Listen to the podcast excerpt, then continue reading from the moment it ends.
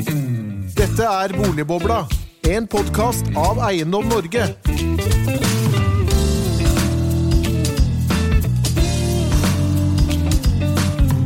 Ja, Hjertelig velkommen til Boligbobla episode to med Christian Dreyer og Erik Lundesgaard.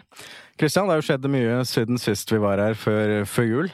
Hvordan ble året, boligmarkedet, i 2018? Ja, for alle som er, lever i denne boligbobla og er opptatt av eh, bolig og boligmarked, så ble det jo et godt 2018. Eh, vi la bak oss eh, en prisvekst på 2,8% og tettere på lønns- og prisvekst i samfunnet, det får vi ikke. Og det er jo det. Ja, altså, det, det er jo noe vi sjelden har. Det er mye mer volatilt normalt sett. Så et, et stabilt og godt marked med også rekordaktivitet. Eh, som meglerbransje så lever vi jo av eh, omsetning, så det er klart at, at det var ny rekord i antall bruktboligomsetninger er jo godt nytt for oss. Men det viser jo også at det er veldig mange boligkjøpere og selgere der ute som har fått realisert boligdrømmen sin. Eh, og et ganske godt aktivitetsnivå i nybyggmarkedet, selv om der har vi jo ligget høyere på salgstakten. Og vi skriver nå også utgangen av januar, eller begynnelsen av februar. Ja, Hva betyr det? Januar er jo en veldig, ofte en veldig spesiell måned. Det er den måneden på året vi har eh, erfaringsmessig kraftigst eh, prisvekst. Eh, litt spenning var det knyttet til januartallene i år, fordi Jan Ludvig Andreassen og Grete Meier i Privatmegleren Jan Ludvig er jo i Eika, har jo et veddemål på gang på at prisene skal opp eller ned i januar. Og de har aldri falt i januar siden vi startet målingene våre, så jeg syns jo Jan Ludvig skal ha krets for å gå høyt ut i et veddemål. Men prisveksten endte på 2,7% og en veldig normal januarmåned, med en sesongkorrigert vekst på 0,5. Så tendensen fra 2018, moderat vekst, fortsetter, og også et rekordhøyt salg for januar og måned å være, som viser at aktivitetsnivået også holder, seg. Men hvorfor er det sånn at prisene alltid stiger?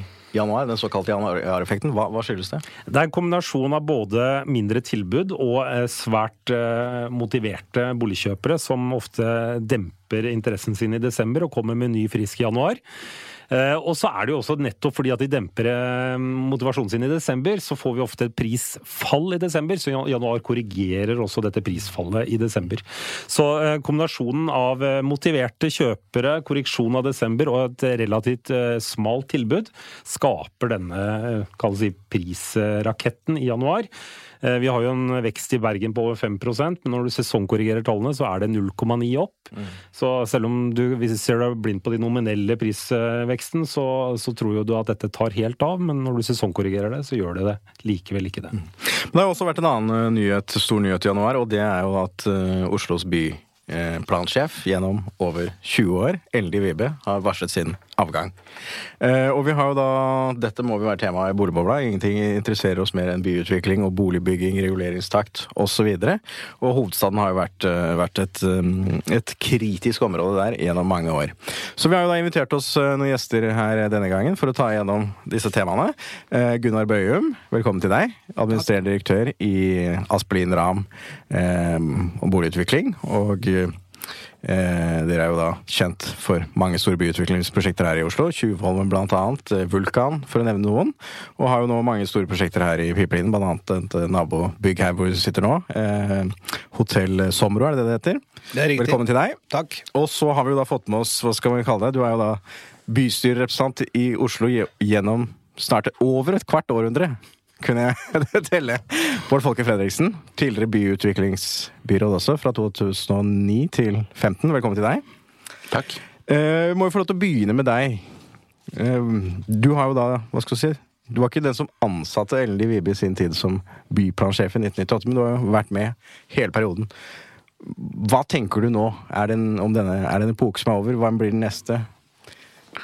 Hva er det i denne rollen? Ja, Det er lov å si at det er en epoke som er over, selv om det aldri er sånn at det er ett menneske, verken en byplansjef eller en byråd eller noe som helst som styrer Oslos byutvikling. Heldigvis er det mange andre eh, som er med på å fatte beslutningene, men likevel, eh, det at Ellen de Vibe har vært eh, Eh, etatssjef i så mange år, og i tillegg det har falt sammen med den fantastiske byutviklingen som jo har vært i stor grad faktisk eh, ønsket politisk fra, eh, fra det borgerlige byrådet gjennom de fleste av disse årene, og den fantastiske by, byutviklingen Oslo har vært inne i, med sjøsiden og, og, sentrum, som liksom gjør at dette må jo få lov å si det er en epoke. Mm. Uh, hva, hvis du liksom skal se, se, tilbake i disse 20 årene da, fra 1990, Så Erling Dockholm skrev jo i, i, i, Aftenposten at liksom, hun var en av de tre store byplansjefer i Oslos historie. Det var liksom Harald Hals i 1920-årene som bygde Ullevål Hageby og Torshovplanen osv. Og, så var det Erik Rolfsen som eh, var liksom arkitekten bak eh, Drabantbyen. Og så var det Ellen Vibe nå. Hvis du liksom skal se tilbake disse 20 årene, eller 21 årene, hva, hva er det som liksom står igjen? Er det Fjordbyen, eller er det Nei, Jeg syns det er ett ord som rommer mye, uh, som jeg vet Ellen de Vive har vært en pådriver for. Så har det selvfølgelig falt sammen med ønskete politiske endringer også, bl.a. fra mitt parti Høyre. Men det har vært en urbanisering. Og med urbanisering så mener jeg det å gjenvinne sentrum som boligområde. Eh, det å foredle kvalitetene som gjør at folk ønsker å bo i by med barn også i fremtiden, og ikke nødvendigvis flytte ut av byen, slik vi opplevde veldig sterkt eh, og mye sterkere på 80- og begynnelsen av 90-tallet. Eh, og selvfølgelig en del av det er Fjordbyen. En del av det er å ta tilbake tidligere industritomter og sånne ting. Det er klart, her har Ellen de Vibe og hennes, hennes syn på eh, planer bidratt veldig, veldig sterkt. Gunnar, hvis du skal Nei, jeg som en aktør her? Ja, jeg tror man skal se tilbake på hennes eh, vakt eh, med en by med en fantastisk utvikling. Bare i den perioden hun har vært byplansjef, så har folketallet økt med 160 000 eh, stykker. Antallet arbeidsplasser har økt. Vi er blitt en utrolig stor studentutdannelseby. 15% av befolkningen er i utdannelse-studiesituasjon. Samtidig som det vi vil eh, huske henne på som en aktiv utvikler. Hun har vært veldig opptatt av å ha en dialog med de store utviklerne. Hatt en konstruktiv dialog. og vi skal virkelig bekrefte at vi har aldri vært helt enige alltid. Nei, men vi har hatt en konstruktiv og en god debatt. Og jeg tror veldig mange av de løsningene vi har kommet til i fellesskap, både med politikere som Bård, men også med, med Ellen og co., det har gitt en bedre by, gitt en mye mer spennende by. Og, og det, det synes vi, for hun har på mange måter vært en sånn dialog hun har vært premissgiver for mye av byutviklingen og vært veldig tydelig på dialog med de som utøver den. Og i hennes periode så har jo det har jo ikke vært kommunen som har vært den store utbyggeren. Altså de store, de store grepene har jo skjedd veldig mye på privathender, samtidig som selvsagt kommunen har hatt enorme oppgaver med befolkningsvekst. Eh, skoler, barnehager, sykehjem, hva det måtte være. Mm.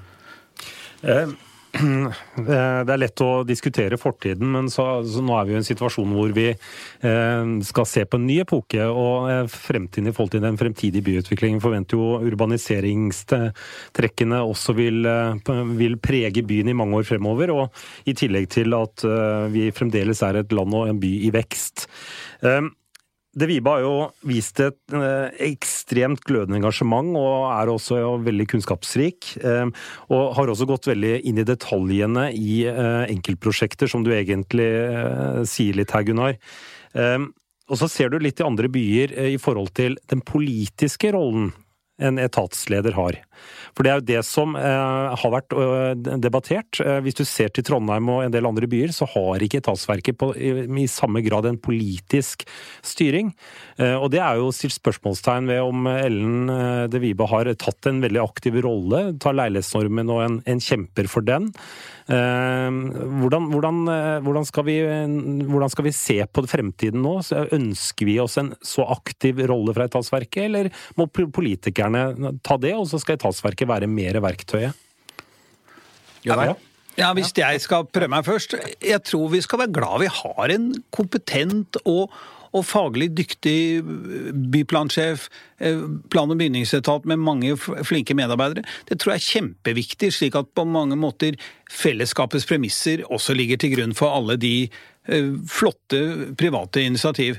Samtidig så ligger det noe som Bård er inne på, noen politiske føringer. Og de politiske føringene er jo også veldig avlet ut ifra hva skjer på demografisk utvikling. Nå er vi i gang, nå får vi en periode hvor eldrebølgen kommer for fullt. Vi har perioder med fortsatt infrastrukturutbygging. Vi skal sikkert ha ny vannforsyning. Det er jo mange sånne parallelle oppgaver som skjer samtidig. Og jeg tror vi skal være glad for at vi har en, en, en dyktig, sånn som vi har hatt i Ellen Vibe, mener jeg, en dyktig byplansjef som har kunnet føre en faglig god dialog med de forskjellige utbyggerne. Vi ikke, det er vi veldig få som ønsker at dette bare skal være frislipp, og så gjøre hva man vil. Ja, det er vi enige om. Jeg tror at man skal bare huske å legge det viktige premisset til grunn at Oslo et, har et parlamentarisk styringssystem. og Det betyr at det er byrådet som har alt ansvaret. Eh, og jeg er ikke redd for, og var i hvert fall ikke det som byråd, å ha sterke etatssjefer som også hadde sterke faglige meninger i diskusjonen. Eh, Riktignok så er det jo da vesentlig at vi politikere, det er politikerne som til syvende og sist trekker beslutningen, og må stå for de beslutningene eh, som fattes. Men jeg har vært veldig glad for å ha en sterk og tydelig etatssjef i Ellen Vibi de seks årene jeg var byutviklingsbyråd, som, som sto for noe. Og så var jo ikke vi enige om leilighetsnormen, f.eks. og byrådet modererte jo den. Eh, men jeg syns ikke, eh, og det har jeg lyst til å si også, jeg syns ikke egentlig det var noe vanskelig å være uenig med Ellen Vibe de gangene det var nødvendig, sett fra mitt eh, sted som politisk folkevalgt. Men det gjør det jo alltid enklere enklere når etaten presenterer noen forskjellige løsninger innenfor de politiske føringene som byrådet eh, trekker opp. Men så har jeg bare lyst til å understreke igjen at eh, eh Og det er ikke til forkleinelse for Helene Vibes eh, fantastiske innsats for Oslo by gjennom så mange år, men det er jo sånn at selv om eh, en byråd blir profilert, og en etatssjef blir profilert, og ja, en utbygger blir profilert, så er jo faktisk det norske systemet med stor grad av private initiativ, men offentlig vedtatte rammer for utbyggingen, eh, gjør jo at det er fagfolk både i kommunen og hos utbyggerne og politiske myndigheter som setter rammene, eh, som til slutt påvirker resultatet. Så det er jo ikke en enkeltperson som påvirker alt. Men de siste 20 årene må vi jo innrømme at Helen de Vibe har satt sitt tydelige spor, og hun kan gå med hodet høyt hevet og være stolt av det som har skjedd i Oslo i disse årene. Ja, det er vi enige om. Eh, jeg tenkte på, Erik, vi, eh, I forhold til nettopp politikernes rolle, så ser vi i Oslo nå en ganske laber reguleringstakt av nye tomtearealer. Hva Har du noen ferske tall på det? Ja, altså Vi har jo all time low på antall regulerte boliger. Kunne vi registrere her ved utgangen av 2018 på, på 800 enheter. Eh, og så vidt vi registrerte, så sa vel altså Raymond Johansen da han tiltrådte at han skulle regulere 100 000. vi er jo rimelig langt unna det antallet. Eh, Bård, du sitter jo fortsatt i bystyret. Hvorfor, hvorfor går dette så utrolig tregt? Altså, La meg begynne med å si at hvis jeg nå bare skulle skåre politiske poenger, så hadde jeg også trukket frem den, det utsagnet avgitt i valgkampen uh, fra Raymond Johansen. Og, det var selvfølgelig en kjeft til oss at vi hadde i vår tid hadde sørget for at det ikke ble regulert flere. Og han mente vel det da skulle reguleres 100 000 fort, noe jeg har mange motforestillinger å gjøre, enten det hadde vært mulig eller ikke. Og så er det jo sånn at... Kanskje ikke så lurt heller? Nei, og det er jo ikke sikkert at vi i vår tid heller skal dominere så mange år fremover hva som er fremtiden fremtidens eh, bolig og, livsstil og arbeidsmarked ved å nå trekke en eh, rammer nedover eh, boligutviklingen de kommende årene. Jeg tror faktisk at eh, men, men, men, det betyr ikke at det ikke er viktig å sørge for at det reguleres mer. Jeg tror de siste ti månedene jeg var byråd, så ble det regulert 6000 boliger. Eh, men dette kommer til å gå litt i bølger. F.eks. var det jo nesten ingen som sendte inn reguleringsplaner de, eh, rett etter finanskrisen i 2008, og det ble vel ikke bygget en bolig i 2009 som ikke var igangsatt omtrent. Så det er klart, dette går etter etterspørselen.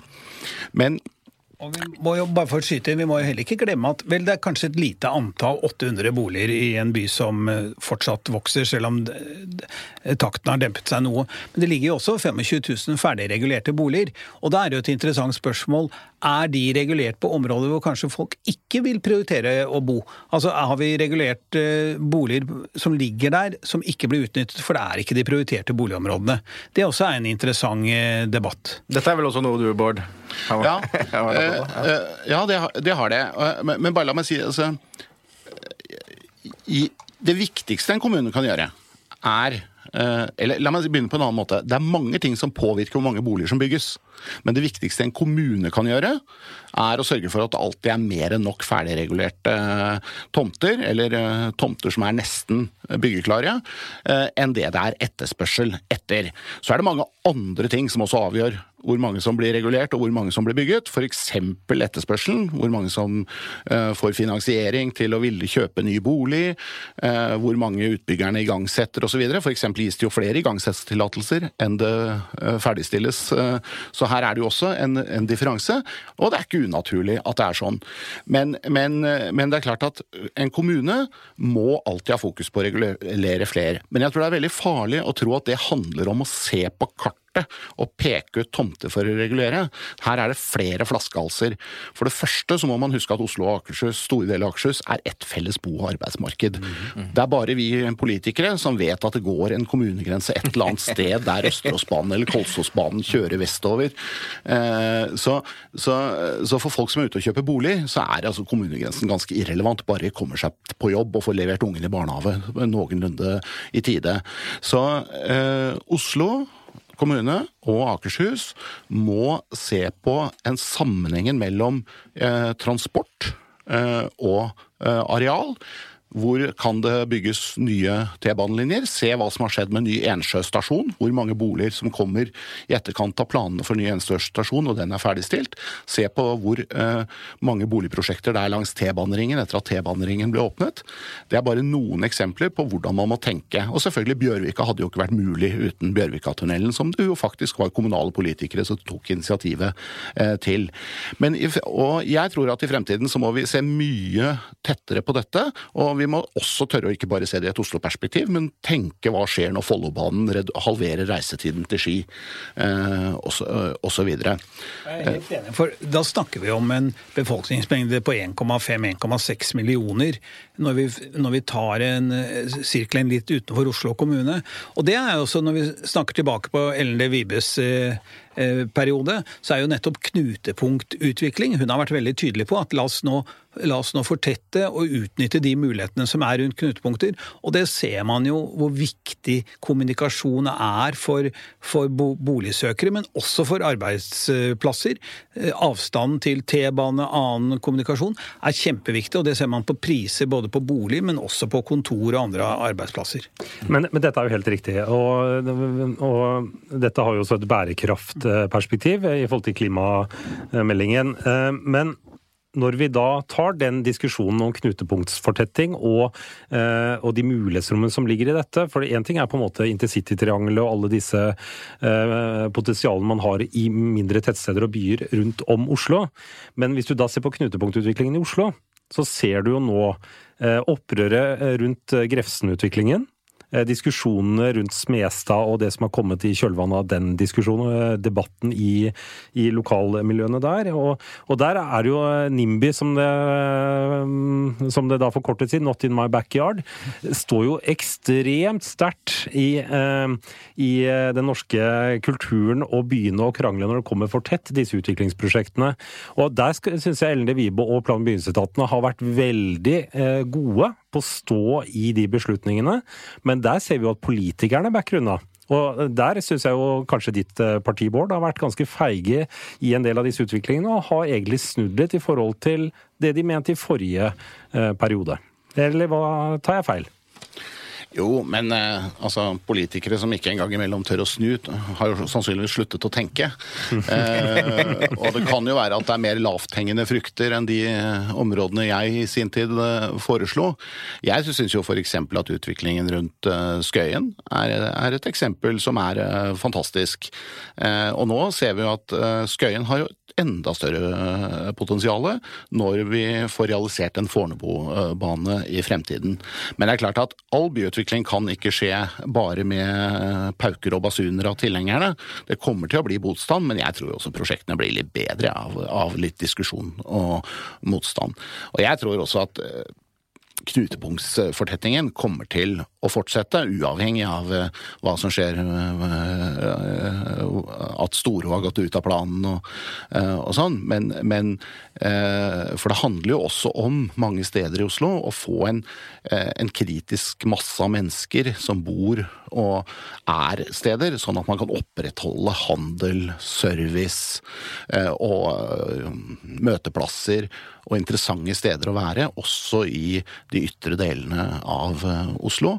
Eh, så, sånn sett så kommer nok knutepunktsforsettingen til å fortsette, selv om det er noen justeringer underveis. Så er det den billigste samfunnsøkonomiske utbyggingen. Der ligger infrastrukturen, der, der, ligger mye av det som er eh, samfunnets eh, fellesarealer, om det er skole, barnehage og de, de tingene. Samtidig så må man ikke glemme den, den effekten de som driver byen, skal også kunne komme seg på jobb. Og, og derfor er det, det er fint med, med intercitytog til Fredrikstad, hva det måtte være, men det, selv med intercitytog så kommer det til å ta en time. Det er veldig mange som ønsker kort vei, for de skal rekke så mye i løpet av døgnets våkne timer. Og det, og det gjelder på, til arbeidsplasser. Det gjelder kommunikasjon mellom arbeidsplasser, og det gjelder ikke minst i hjem, skole, hjem, arbeid, hva, hva det måtte være. Så det, det, kom, det er liksom tyngde tyngden All logikk tilsier at dette skjer, og så er det som Bård sier, det blir jo alt sannsynligvis noe motstand. Jeg er sikker på at hans parti har mange motstandere mot fortetting på Smestad, og det er sikkert mange som stemmer på han der. Og det, sånn er jo politikken da, fra tid til annen. Noen upopulære ting. og men det er jo krevende for en utbygger som det, sånn som du representerer, da, Gunnar, å tenke langt i, i strategien med uberegneligheten som ligger på politiske vedtak som da snur eh, rundt neste sving. For dere gjør jo tunge investeringer når dere får et politisk eh, signal, holdt på å si, men det var jo ikke signal, det var jo egentlig mer et definert vedtak. Og så, Når man da har gjort de tunge investeringene, så er det et nytt vedtak som bare kjører over forrige vedtak, og der sitter du, da. Altså, Vi sier at vår største risiko det er ikke rente eller byggekost og sånne ting. Det er den politiske risikoen i forhold til reguleringsplaner. For, og, men i tillegg til reguleringsplanen så har vi jo også en risiko i forhold til antikvariske myndigheter, at man får lov til det man håper og tror. Og vi er ikke tilhengere av å rasere kulturarven eller noe, men det er, det er det risikobildet vi må ta. og så Det er en del av vår forretning, samtidig som, som, jeg tror også det er viktig å ha de lange brillene. fordi det er, det er eh, også viktig da at du har solide utviklere som kan stå et sånt løp, men samtidig også ta en risiko innimellom. Og, og noen ganger får vi ikke til det vi har håpet, men da får vi prøve å gjøre det beste ut av det vi får lov til å gjøre.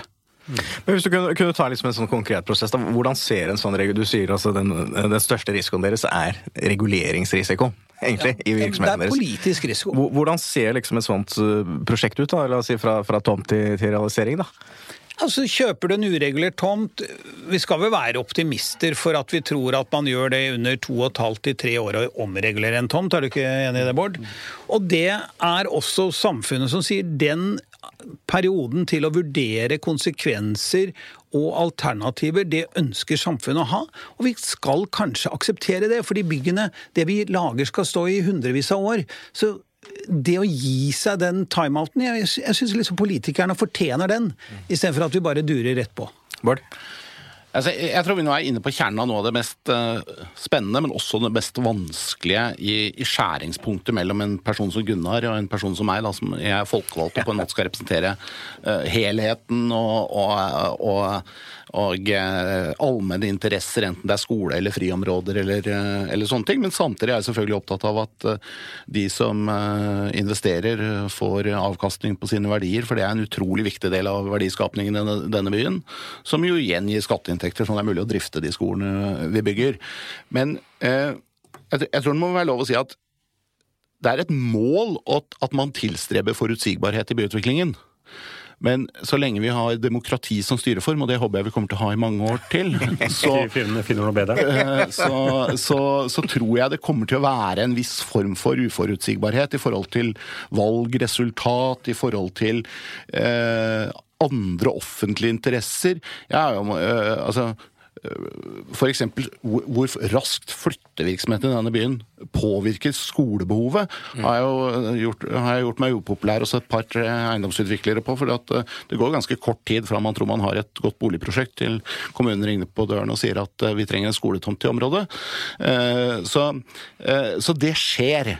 Men det er jo et mål å redusere den uforutsigbarheten så mye som mulig, og likevel opprettholde alle demokratiske prinsipper. Eh, Og en av de tingene er jo faktisk å legge en kommuneplan. Eh, Et robust planverk som gjør at de som eh, eier, selger og bygger, enten det er kommunen eller Sporveien eller eh, undervisningsbygg eller Obos eller eh, firmaet til Gunnar eller hvem det er, så, så, så har noe å forholde seg til. Og så er det ikke sånn at all risiko forsvinner, selv om man har et robust planverk, men man kan bli med, bli med på å øke forutsigbarheten. Men så tror jeg også det er sånn at vi som politikere noen ganger kanskje må legge litt beslag på våre øyeblikksønsker om det ene eller andre. For det, kan, det er veldig fort sånn at vi, vi, vi fanges i en tiltaksmani som politikere. Eh, media ringer og sier at nå, er, nå må vi ha ungdomsklubber der, eller eh, ny busslinje der, eller eh, sykkelfelt der. Eh, Og det er selvfølgelig sikkert riktig, men en by er og blir et kompromiss. Når mange mennesker bor på et lite geografisk område, så må vi finne, finne måter å dele det arealet på. Og det betyr også en gang imellom at kommunen må, uh, må bøye seg. Uh, og se om man kan løse f.eks. skolebehovet på annet vis. Men dette er jo den vanskelige balansegangen vi går i absolutt hele tiden. Men la oss ha klart det. Det er ikke synd på eiendomsselskaper. Eh, De tar en kalkulert risiko, og det får de selv styre. Når Aspelin Ramm kjøper en ure- uregulert tomt, så kjøper vi den ut ifra at vi vet det er en politisk risiko. Og som Bård sier, samfunnet endrer seg raskt med, med arbeidsplasser, med, med befolkning. Så det er det får være en naturlig del av det. Jeg er mye mer opptatt av at det fins aktører som, som Aspelin Ramm Obo som kan ta den type risiko, og så, og så følge med på det som er de politiske rammebetingelsene. For den dagen Vi kan ikke overlate det helt alene til de private, for da blir det sånn Da blir det bare det som gagner den ene. Da blir det Texas. Ja, Ja, det blir og det det er ikke reguleringer. Nei, og der, Det er viktig å si at det var det du mente med Texas. ja, for, for, for rett og slett, vi skal, til, vi skal tilpasse Det er mange hensyn å ta.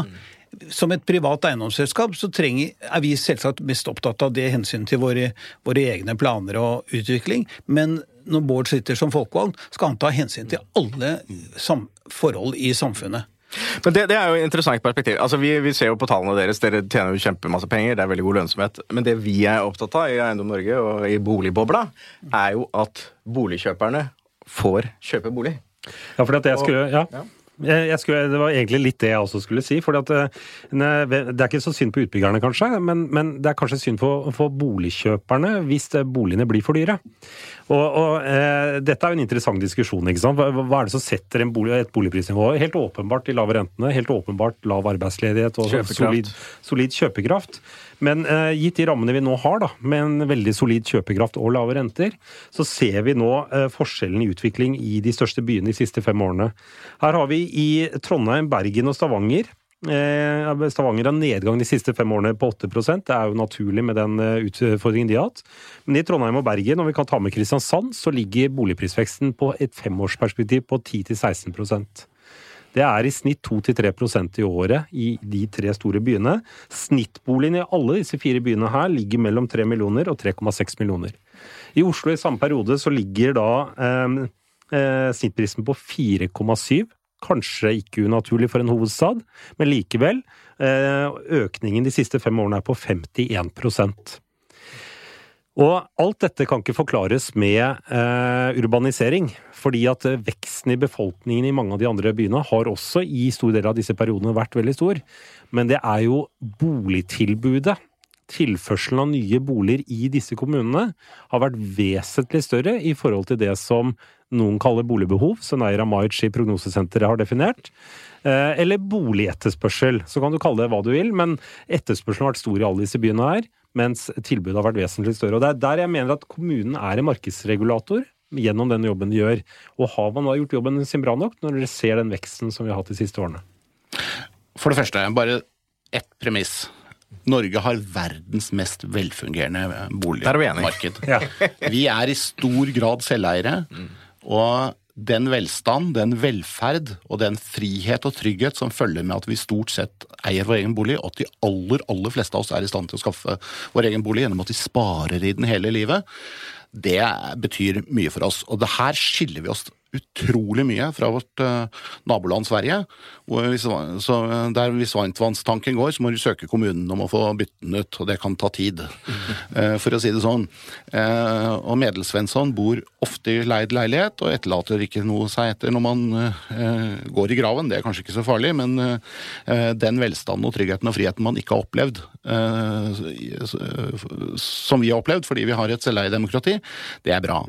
Så eh, tror jeg det er helt riktig å si at eh, prisveksten har vært formidabel. Eh, og den er helt sikkert også påvirket av eh, tilbudssiden. Det som har vært litt rart i norsk boligpolitikk, har jo vært hele tiden at vi roper på etterspørselsstimulerende tiltak. Eh, nå er ikke jeg noen fagøkonom, men eh, man har jo hele tiden ropt på hva Husbanken kan gjøre opp gjennom årtier. Man har nå hatt en, en, en rentepolitikk etter 2008 som gjør at kapital jo er gratis, og ingenting er jo egentlig gratis her i livet. Så det, er, det har sine konsekvenser. Og så tror jeg dette har vært ekstremt forsterket i Oslo av at eh, vi har hatt en stor arbeidsinnvandring, særlig fra EØS-land. Og det er klart at de etterspør boliger på en helt annen måte enn en, enn vi gjør tradisjonelt. Og vi har fått et, eh, mange som er på leiemarkedet eh, og ser etter den eh, mer kortsiktige leieforhold, for å si det sånn. Det gjør også at jeg ikke tror du vil ha den samme gjenspeilte boligbyggingen i Oslo som du vil ha andre steder der bolig, boligbyggingen også skjer. Men det viktigste jeg tror kommunen kan gjøre, er å sørge for at det alltid er mer enn nok ferdigregulerte boliger som det kan bygges på når etterspørselen er der. Men at dette kan løses en, som en kvitt fiks ved å liksom legge ut en to-tre områder til, det, det tror jeg ikke noe på. Altså. Hvis vi ser på den reserven som vi var innom her, av 25 000 boliger. Gunnar nevnte dette. Vi kan kanskje barbere 10-12 fra i den reserven. Vi kan barbere Furuset. Vi kan barbere ja, en del andre områder som sannsynligvis ligger i den, som ikke vil bli bygget ut fordi at det ikke er et marked i de konkrete områdene, og det er andre ting også som setter oss opp for det. Da sitter vi jo igjen med egentlig en to års boligbygging, da, hvis vi skal se på akkurat det målt som boligbehov, da, altså det, for å opprettholde den um, tettheten man har i dag, som er jo da 1,8 eller noe sånt 1,9 per em, bolig, menneske per bolig. Så sitter vi igjen med den 4500-5000 bolig per år. Det er jo egentlig den kanskje litt for liten, da, den reserven vi har. Eh, Det, du det? det kan den være, og det syns jeg er verdt å diskutere. Men jeg vil faktisk begynne med å slå fast at jeg syns begrepet boligbehov er et, eh, nærmest et planøkonomisk begrep.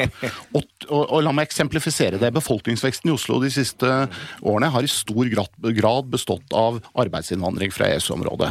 Svensker som jobber på ut, i utelivet og re- restaurantnæringen. Polakker som hjelper oss med rør- og elektri, el- elektrikeroppgaver fordi vi ikke har nok eh, håndverkere selv, eh, og litauere og, og andre flinke folk som kommer til Oslo.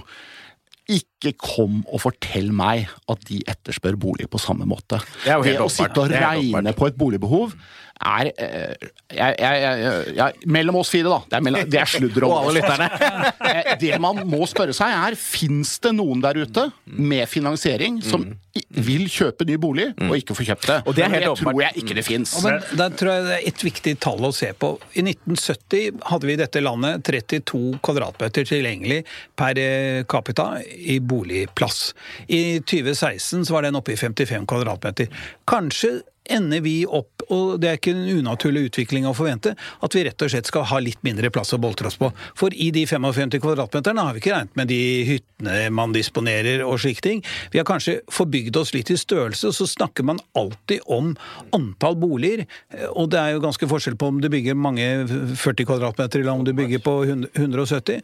Så det syns jeg liksom er et tall som også skal tas med, og det gjør jo kanskje at potensialet innenfor byens eh, eh, grenser er større ved kanskje å bygge smartere, ved å bygge mer effektivt og utnytte plassen bedre. Men som utviklere så er vi faktisk opptatt av mer enn bolig eh, like mye den veksten som skal komme fra det som skal finansiere alt dette, nemlig næringslivet. Vi, når, når, statsministeren snakker om vi må se på hva vi skal leve av etter oljen, hvilken, hvilket næringsliv skaper vi som skaper arbeidsplasser, det er det som er den lange bølgen i, i boligmarkedet. Uten jobb, ikke noe behov for kontorer eller lager eller hva det måtte være. Uten jobb, heller ikke noe kjøpekraft i boliger. Det tror jeg er en viktig del å se sammenhengen på, ikke bare snakke om boliger. Men det er, det er jo ganske interessant det du sier, Gunnar. 32 kvadratmeter i 1960, var det du sa? 1970. 1970. 32 kvadratmeter får du jo knapt lov til å bygge i Oslo lenger. Eh, da må du til andre byer i Norge som de åpner for bygging av leiligheter av den størrelsen der.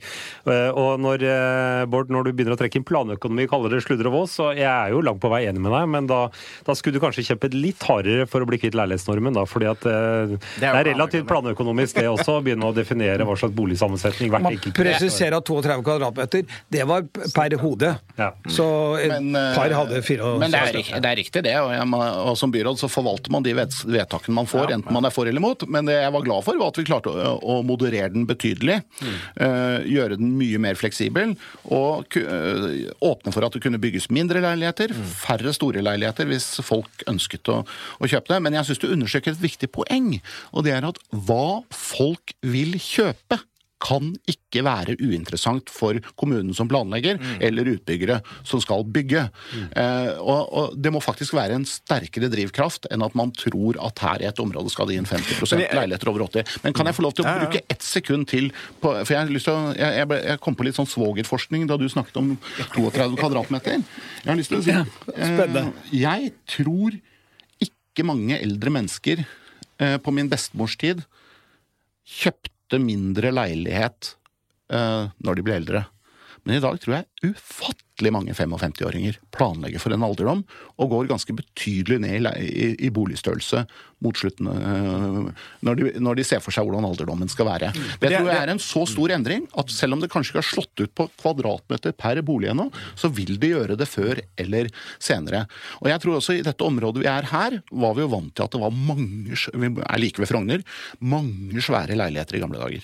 Jeg tror mange av de nå er delt i to, og det bor to store familier der det før bodde et eldre ektepar. Så vi ser helt andre eh, boligtyper. Og så må vi også huske en ting med disse tallene. Det er jo at Oslo er jo en by hvor veldig mye av boligbyggingen skjer ved transformasjon fra næring.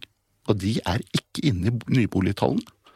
De registreres ikke, eh, registreres ikke av SSB, og SSB, sist jeg snakket med dem, jobber med å finne måter eh, å få til det på. Og det gjelder de tilfellene der man rett og slett bygger om et gammelt kontorbygg og lar veggene stå og taket stå, og så uh, Som uh, Marienlyst nå Nei, uh, NRK, Tuns gate, som Obos gikk ut med nå. Det er jo de gamle Nordea-lokalene, var det ikke det? Jo da, og før der var det elektrisk byrå, så det er jo, det er jo bare industrielle revolusjonen versjon 3. Men det ser, man, det ser man jo også på når NRK sannsynligvis eh, blir solgt i løpet av året. Eh, Blir jo sannsynligvis en kombinasjon næring, bolig, kultur. Det man i hvert fall ser, er at verden har forandret seg. De tunge produksjonsbedriftene er borte. Oslo har jo ikke, i motsetning til Drammen, de store industriområdene tilgjengelig, for de er, de er utviklet allerede, om det er nebb på Skøyen eller Kvernerdalen eller hva det er. Men jeg tror også, og vi, som vi begynte debatten på, ved neste byplansjefen, tror også neste byplansjefen skal ha ett fokusområde. En by som vokser skal også ha folk som skal betjene byen, men vi skal også ha varer og tjenester frem til de som bor der.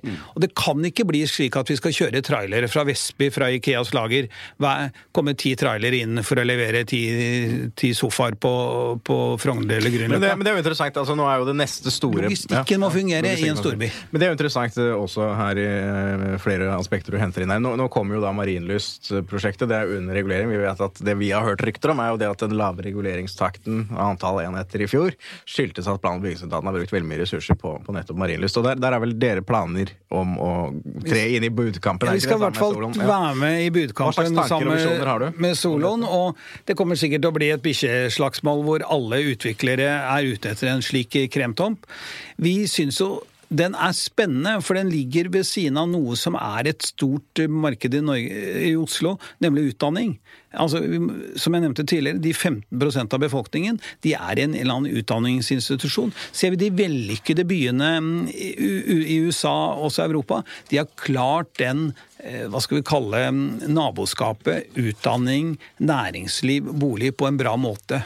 Og når man en periode på 90-tallet var veldig fascinert av Sofie Antropoli nede i Syd-Frankrike, hvor alle forskere og alle, alle høyteknologibedriftene skulle være Høyteknologibedriftene de, og forskerne de vil være i nærheten der hvor makta er. Hvor er makta? Det er hovedkontorene. Det er der pengene sitter. Så jeg tror det der Oslo, som er tross alt en liten, kompakt by, har den fantastiske muligheten, bare vi tilrettelegger for god arbeidsplassutvikling med, med, et, eh, med et etableringsklima for næringsliv. Men, men sånn som Marienlyst-tomten ser ut nå, så skal det være en kombinasjon? Er det det som er planen, eller? Det tror vi. Mm. Så det er jo fortsatt lite som er kjent der? Ja. Og så tror jeg veldig på at vi kommer til å se en urbanisering av deler av Groruddalen. Altså, det er jo sånn at Den utviklingen vi nå har sett på Ensjø og på Løren, er jo hakk før vi bryter uh, grensen den uh, Ring 3 er. Og når utviklingen på Vollebekk, utviklingen rundt Økeren, Økern, slår ytterligere fart, så vil man jo se at ofrer man 12-13-14-15 minutter med T-banen fra Oslo, absolutt Oslo sentrum, så får man jo et, et, tilbud av leiligheter og boliger som er, er mye, mye større enn det man har, har, gjort, så lenge man har tenkt at man skal ha gangavstand til, til Sankthanshaugen, altså. Mm. Og det er klart at Oslos utvikling eh, går i retning nord og øst, og byen har areal nok til de boligene man skal. For, det er riktignok noe noen sånne trafikale barrierer som må bygges ned, noen, noe støy som må kunne skjermes, noen tunneler og, og sånn. Manglerudtunnelen er f.eks. Eh, viktig, både trafikalt og byutviklingsmessig, akkurat sånn som Svartdalstunnelen og, og, og, sånn har vært. Eh, og ikke minst Bjørvikatunnelen. Men jeg er ganske sikker på at vi kommer til å se at eh, den barrieren som liksom har vært for å ville, ville, ville flytte til eh, områder utenfor Ring 3, enten det er næring eller det er bolig, kommer til å, å falle også i Groruddalen. Så du ser en mye mer bymessig utvikling i bunnen av Groruddalen. Men, men, snakker bare for å skyte inn også, det, det er masse som skal bygges i, i, denne byen. Og en av faktorene som man ofte glemmer i diskusjoner rundt boligpriser, man, for det virker som bare utbyggerne tar enorme marginer, det er jo faktisk mangelen på, på arbeidskraft innenfor byggenæringen. Og det, det, gjør jo at prisene Spør du fem entreprenører i dag om et tilbud, så får du kanskje maks tilbud fra to, for det er ikke noe ledig kapasitet. Og det er jo ikke bare boligbygging vi driver med. Det er eh, sykehusutbygging, det er eh, helse skoler, mange andre ting. Veier og så videre som de også driver på med. så det er jo... Ja, og, og, siden vi er så skjønt enige om så mye her, så må jeg få lov å si at uh, der har jo faktisk også boligbyggerne et betydelig ansvar. Enten det er entreprenørene eller eiendomsutviklerne eller hvem det er. fordi vi vet jo at produktiviteten innen bygg og anlegg har gått ned i perioder hvor produktiviteten i Norge ellers har gått opp. Og vi vet at andelen forskning og utvikling uh, i andel av omsetningen er lavere i eiendomsbransjen enn den har vært i andre bransjer bransjer.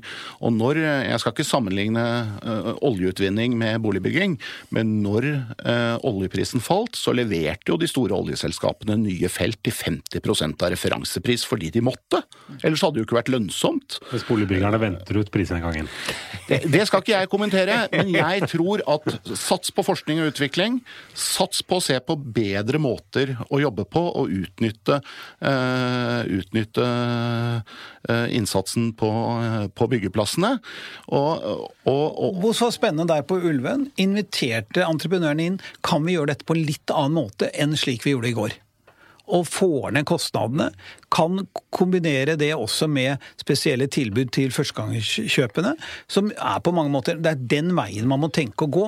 Ikke bare si sånn Nei, nå har prisen gått opp, nå skrur jeg opp uh, utsalgsprisen.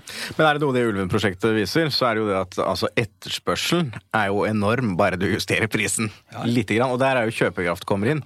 Det er jo mange som da er Eh, stilt utenfor dette her, fordi prisene er kommet såpass høyt oppe.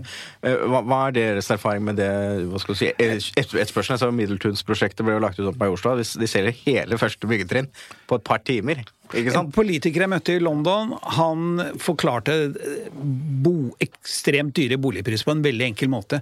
Han sa som politiker har jeg ett problem. De som driver byen, har ikke råd til å bo her. Mm. Og da sitter du i Mayfair med rike russere og arabere som vel ikke driver byen.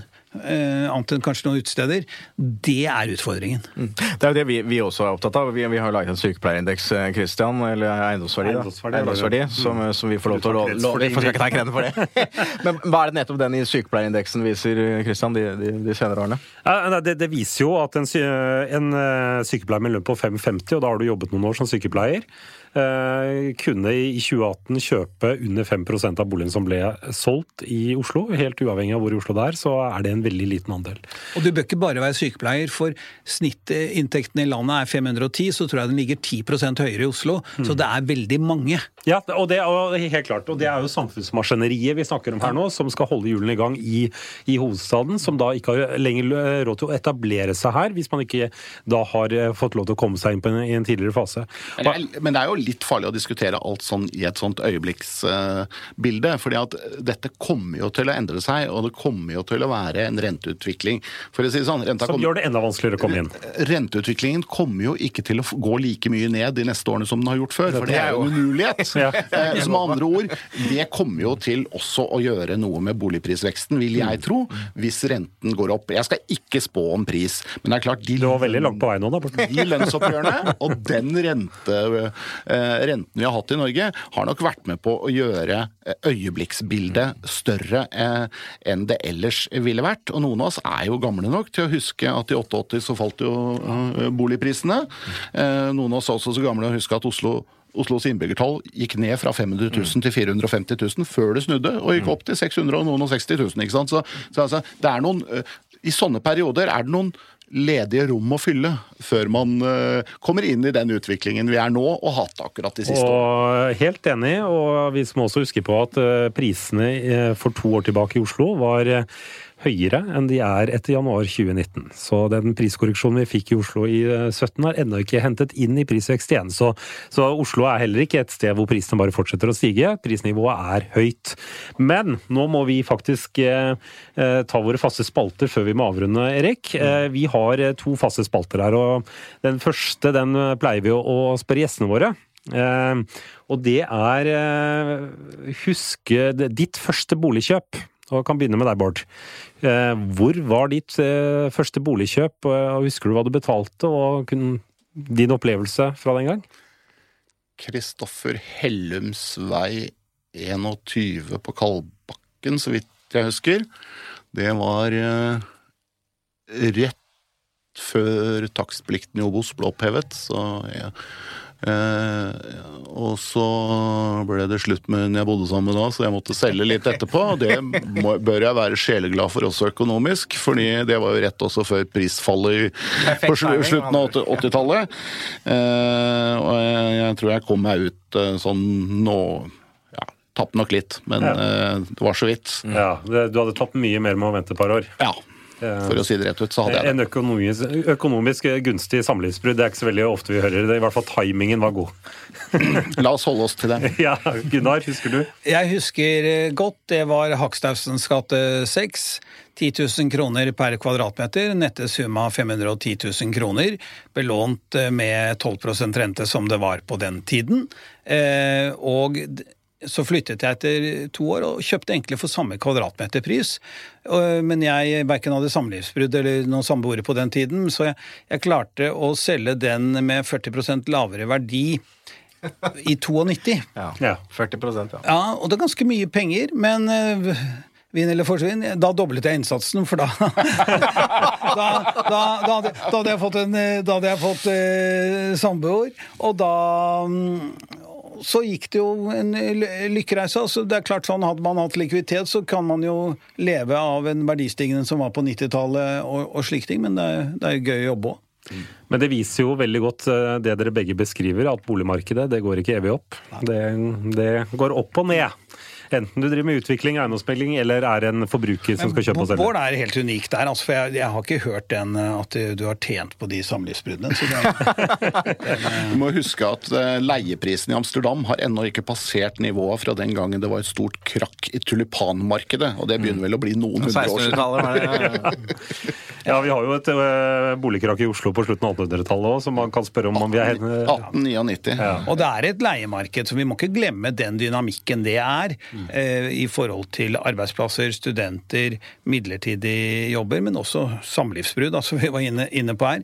Det er også en del av dynamikken i, i og det er jo ikke lenger enn når jeg var ferdig utdannet, så husker jeg veldig mange nå er ikke jeg utdannet, men mange begynte i de store firmaene som type Veritas Hydro, for de hadde tjenesteleiligheter. Mm. For det, midt på 80-tallet så var det faktisk et ganske attraktivt rekrutteringsalibi. Mm. At du fikk eh, leie leilighet av, av firma. Ja, og du som sier at man uh, har en indeks på hva sykepleieres lønn gjelder. Det, ikke, det, var jo vanlig før også å ha rekrutteringsleiligheter på sykehusene, men det mm. sluttet man jo med for uh, mange år siden. Mm. Så Det lønner seg å eie. Det er noe der, kanskje? Mm. Jeg tror ja, i lengden Vi har jo fått statsministerbolig, da, så vi har liksom kompensert. Men jeg, jeg, tror faktisk i lengden at selv om man kjøper noe lite, og noe som er billig, og at man begynner å spare i det, mm. og så kan, jo ikke det ligge på sankthanshaugen for alle, mm. så er det likevel lurt å komme seg inn, spare litt, og så se hva man har råd til etter hvert. Selv om eh, det virker kostbart å etablere seg. Jeg sier til mine barn et boliginvestering eller kjøp er jo for det første dekker et veldig basalt behov på en dag som dette, når det snør og er kuldegrader ute. I tillegg så, så, er det en beholdning. Det er, ikke et, er ikke et forbruk som å reise til Syden eller andre ting. Så vi skal jo bo, og det er det eneste som du vel ikke kan digitalisere, da. Det, veldig mye annet kan vi jo digitalisere, men det å bo er vel fortsatt en seng og gå på do. og og enda mer enn det. Ja, så Det var en sant. fin avslutning på det, før du skal, hadde lyst til å ta ja, vi, vi episodens boble. Vi har jo alltid en, en, episodens boble som avslutning på, på denne podkasten. Smaker det godt, eller og det, det kan være positivt, det kan være negativt. Eh, forrige gang var det positivt, for da var det til Boligmarkedsforskningssenteret som regjeringa hadde bevilget penger til, som vi selvfølgelig heier på. Denne uken må det være litt mer negativt, og det, den går til Helse Sør-Øst, som da har nå besluttet å legge det nye sykehuset i Innlandet i veikryss på Moelv. Og det er ikke vi noe tilhengere av, Kristian. Nei, vi mener jo at i et bærekraftperspektiv så, så, bør man tenke litt mer miljømessig enn at alle må kjøre bil for å komme seg dit, enten man er syk eller man jobber der. Jeg sier bare heia Drammen. Se på Drammen. De har besluttet å legge det nye sykehuset på Brakerøya med god offentlig kommunikasjon. Drammen sykehus representerer 10% av arbeidsplassene i Drammen kommune. Og det er jo ikke bare leger, det er laboratorier, det er vakt, det er service, mange slike ting. Og jeg er helt enig i den ukens kaktus, eller hva du skal kalle boble. Det, det er jo men det er det kompromisset. Du har sett det samme i Østfold. Eh, jeg trodde det var, byg var under bygging et nytt sånn uh, Asko-lager, men så viste det seg å være det nye fylkessykehuset. For det viktigste for Østfold-politikerne var at ingen av byene skulle få det. Ja, det er... Og stakkars pårørende som skal sitte på den bussen som ikke går. Mm. Hvor er planøkonomien når vi trenger det? Men Bård, Bård du, er jo, du, er jo, også nå din, din nåværende rolle. Det er jo leder av politisk avdeling i, på Stortinget for Høyre. Og, og, det er jo enda håp for denne saken, fordi at denne må jo overprøves i regjeringen. Så vi åpner for, hvis Bent Høie nå omgjør denne beslutningen, at vi kan gi ukas boble til et nytt sykehus i en av de store Mjøsbyene. Jeg tror det må bli siste ord. Takk. Uh, og Da uh, gjenstår det bare å si tusen takk for at dere kom, eh, Gunnar og Bård. Takk for stort engasjement og gode diskusjoner. Og neste utgave i Boligbobla? Det blir om hyttemarkedet februar. Stor måned på fritidsboligstatistikk fra Eide Norge. Rett rundt hjørnet. Da får dere vente i spenning. Ha det bra.